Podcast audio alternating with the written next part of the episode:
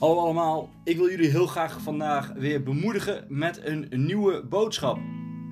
En deze boodschap ontving ik heel sterk. En dat is altijd fijn. Maar daarom heb ik eenmaal ook deze podcast natuurlijk gemaakt, omdat ik ervaar dat God me heeft geroepen om dit te maken. Dat is al een getuigenis op zich hoe dit is ontstaan. Want als jij weet wie ik ben en hoe ik ben met apparatuur, dan weet je dat dit een wonder is dat ik dit helemaal in mijn eentje heb kunnen fixen. Maar dat is niet in mijn eentje natuurlijk. Dat is geleid door de Heilige Geest. Halleluja. Deze preek heet In de atmosfeer met de Heer. Als je dit hoort, dan ga je misschien al nadenken. En dat is ook de bedoeling altijd wanneer ik ga spreken, wil ik mensen leren nadenken. Wil ik mensen zo laten nadenken dat ze echt zien dat de wereld je niets te bieden heeft, maar dat jij geboren bent met een missie. Ik vind het zo mooi, hè? Het leger des hels, daar heb ik een zacht hart voor. Ik heb voor elke denominatie op zich natuurlijk een zacht hart, want we zijn allemaal uh, een gemeente van Christus, ondanks er ook menselijke trekjes aan zitten. Maar goed, we hebben allemaal genade nodig. ik ook, absoluut, ik ook. Maar een van de mooiere, uh, toch wel bewegingen, vind ik Leger des Hels. En waarom?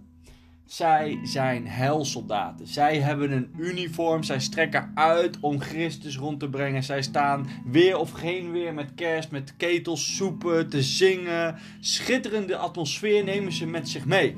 Ik heb zelfs een keer gehad, al een paar jaar geleden, toen ik ook ging uh, evangeliseren. En de geest van God greep mij toen ik twee oudere mensen daar zag. Eén met, uh, met een, uh, hoe heet zo'n ding? Zo'n zo'n, ja, ik ben even vergeten hoe zoiets heet, maar een heel moeilijk instrument is dat. Uh, met allemaal toetsjes eraan. Accordeon, accordeon.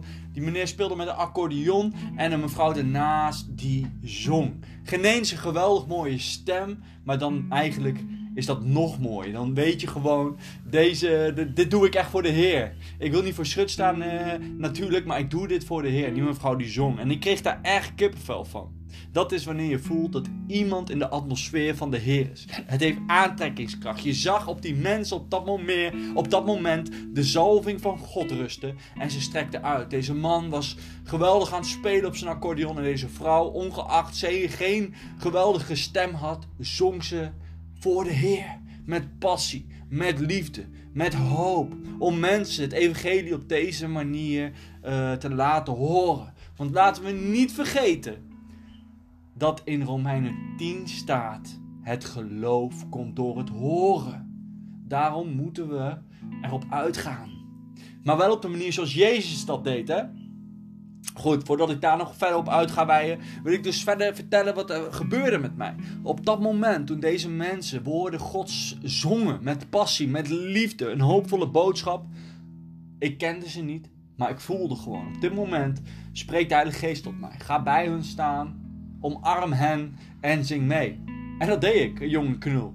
Ik loop daarheen, ik uh, doe mijn arm over deze vrouw en over deze man en ik zong mee, want de liederen die kende ik. En ik heb volgens mij twee of misschien wel drie liedjes meegezongen. En toen ik wegging, uh, toen merkte je ook dat dat gewaardeerd werd. Dat dat een, een moment was die, die alleen, alleen als christen begrijp wat ik bedoel. Want dit was een moment dat je zo. Kijk, ik liep daar, ik zag die mensen bewegen in de atmosfeer van God. En ik wilde daar gewoon deel van zijn. Ik dacht, ik kan hier niet voorbij lopen of alleen maar een complimentje geven. Wat misschien natuurlijk ook mooi is, hè. Elkaar complimenteren van, hey, goed bezig. Dat is gewoon fijn en goed. Dat is ook we hebben dat nodig als mensen. Helemaal een koninkrijk van God met zoveel weerstand in de wereld. Want dat moment voelde ik, ik wil hier deel eventjes van zijn. Ik wil hun bemoedigen, ik wil bij hun aansluiten en ik wil dit lied meezingen. Ik kende het lied ook. En het werd ook gewaardeerd. En dat is wanneer de atmosfeer van God komt. Misschien herken jij dat ook al in je leven. Maar heel vaak hebben we niet door wat de atmosfeer van God is vaak als iemand ziek is of uh, andere wonderen en tekenen nodig hebben, dan citeren we uit het woord van God, wat ook heel goed is. Leg dan handen op de zieke. Of ga naar de oudste toe, laat je zalven met olie en je bent genezen. Maar dit zal niet gebeuren wanneer de atmosfeer van de Heer ontbreekt. De atmosfeer van de Heer is zo belangrijk en dat leert Jezus ons echt in de schrift.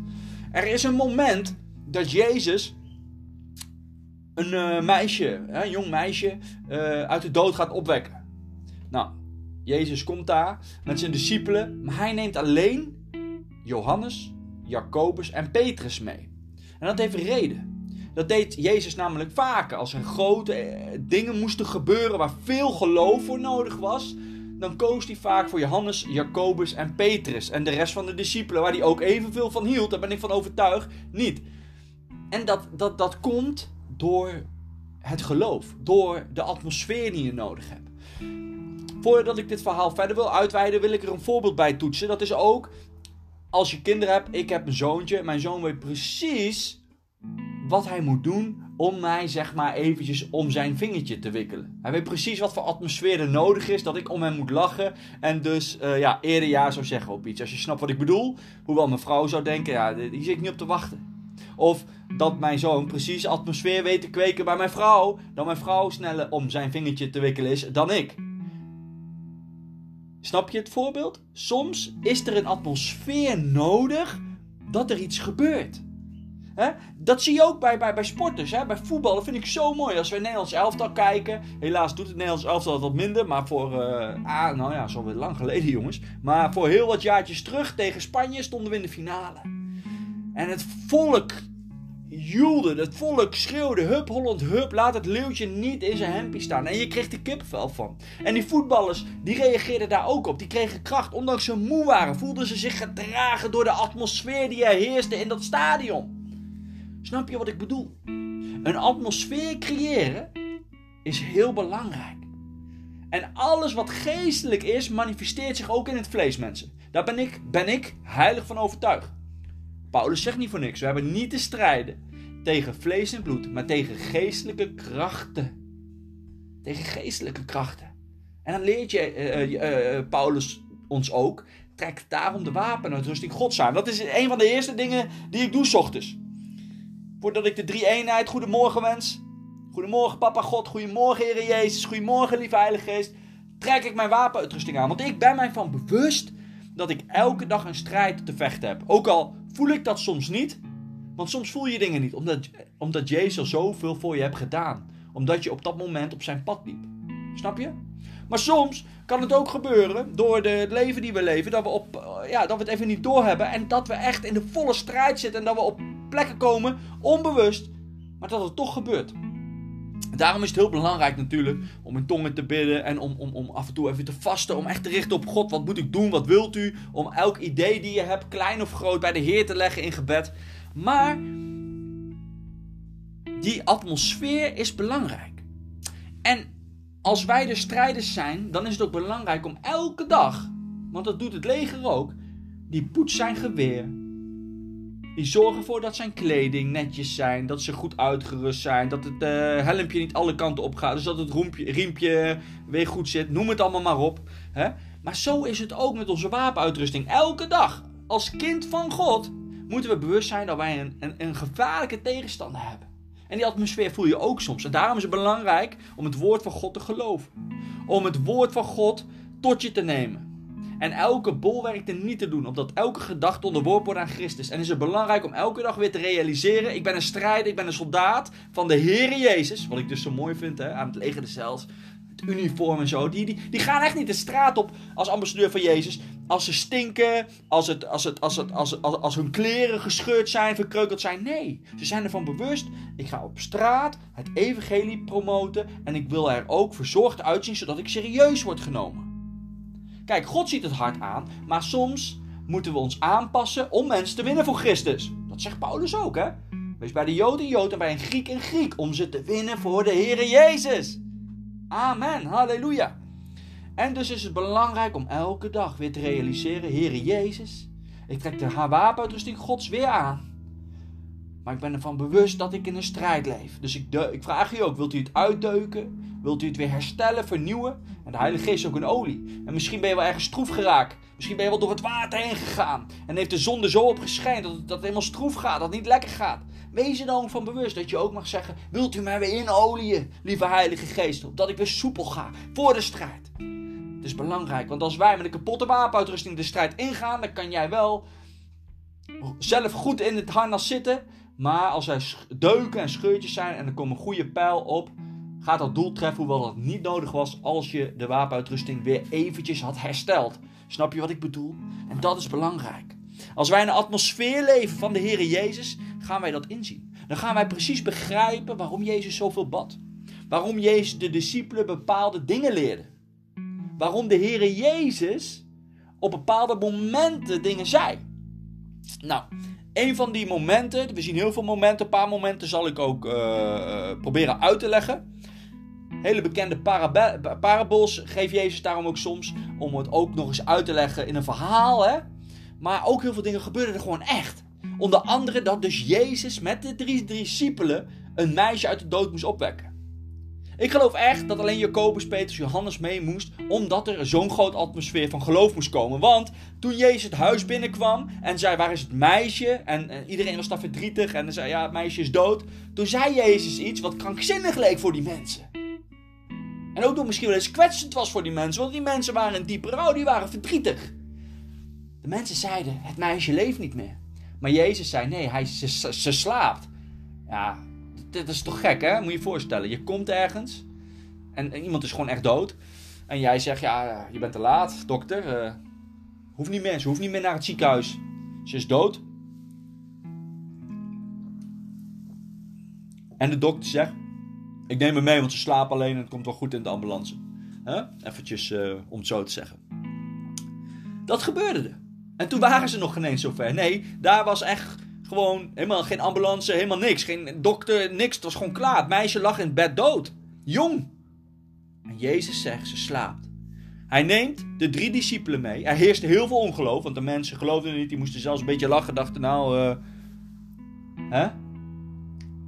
En Jezus zegt tegen dat meisje in, in, in de atmosfeer van geloof: Sta op, word wakker.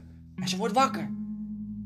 En dan zegt hij: ja, Geef haar eten, geef haar drinken. Halleluja. De mensen zagen gewoon een wonder gebeuren. De mensen met ongeloof zagen een wonder gebeuren. Maar ik geloof dat Jezus een atmosfeer van geloof met zich meedroeg, sowieso. En die atmosfeer ook nodig had die Jacobus, Johannes en Petrus met zich meedroegen. Een ander heel krachtig voorbeeld vind ik van de bloedvloeiende vrouw. Deze vrouw die al twaalf jaar lang bloeide, al haar geld op had gemaakt aan artsen en gewoon niet geholpen kon worden, hoort dat deze Jezus ergens is. En de meeste van jullie weten dat misschien al, maar het is goed om eventjes een stukje uh, background uh, informatie te geven. In die tijd was het ten eerste ongewoon als vrouw zomaar naar een man toe te lopen en die aan te spreken. Ten tweede, als je ongesteld was in die tijd, was je onrein, mocht je niemand aanraken. Zelfs als je ergens had gezeten, moest helemaal gepoetst worden, et cetera. Deze vrouw was dus al 12 jaar onrein. Iedereen wist het, dus ze was bang. Ze moest misschien wel zich helemaal vermommen, zodat ze niet herkend werd. Uh, noem het allemaal maar op. Ze moest een stap van geloof maken. Dit doe je niet zomaar. Als je weet dat dit een strafbaar feit is wat je pleegt, helemaal in die tijd in het Midden-Oosten, in Israël, dat je naar een man toe gaat die erkend wordt op dat moment ook als een rabbi, als een leraar. Dat doe je niet. Je gaat dat niet doen. Misschien breng je wel je eigen leven in gevaar. Misschien deed ze dat wel. Of gevangenisstraf. Dus dan moet je geloven hebben van die persoon kan mij helpen. En koste wat het kost, ik moet die persoon hebben, want die persoon kan mij helpen. Ze proefde de atmosfeer van Jezus, van de verhalen, de dingen die ze misschien al had gezien of had gehoord van betrouwbare bronnen. Zij wist, ik heb een touch bij God nodig. En zij wist, deze Jezus is een profeet, is gezalfd, is de, de Messias, is gestuurd hier op aarde en hij kan mij redden. Het interesseert me niet als ik hier misschien wel vast voor moet zitten, ik moet het proberen. Ik ben steeds onrein, ik, ik, ik, ik ben zo vies. Dat zal ze wel gedacht hebben over haarzelf, want dat wordt je geleerd immers. En ze gaat erop uit, dwars door die menigte heen. En ze denkt, oh jee, hoe ga ik dit doen? Ik kan hem niet aanspreken als vrouw. De mensen weten wie ik ben misschien wel. En ik, uh, ik word dan uh, erbij gelapt en misschien wel gearresteerd. Of weet ik veel wat er mij kan overkomen. Ik raak hem gewoon aan. En dan zal ik genezen zijn. Dat dacht zij. En dan lezen we ook. Wanneer zij de mantel van Jezus heeft aangeraakt. Dat Jezus stopt. En dat Jezus iets zegt wat weer krankzinnig lijkt. Hij zegt: wie heeft mij aangeraakt? Want hij voelde kracht uit zich stromen. Zij wist, ik heb iemand genezen. Iedereen stopt. En er zijn zelfs discipelen die zeggen, ja maar Jezus, er zijn hier zoveel mensen. Natuurlijk bent u aangeraakt. Natuurlijk bent u aangeraakt, Jezus. Er zijn zoveel mensen hier.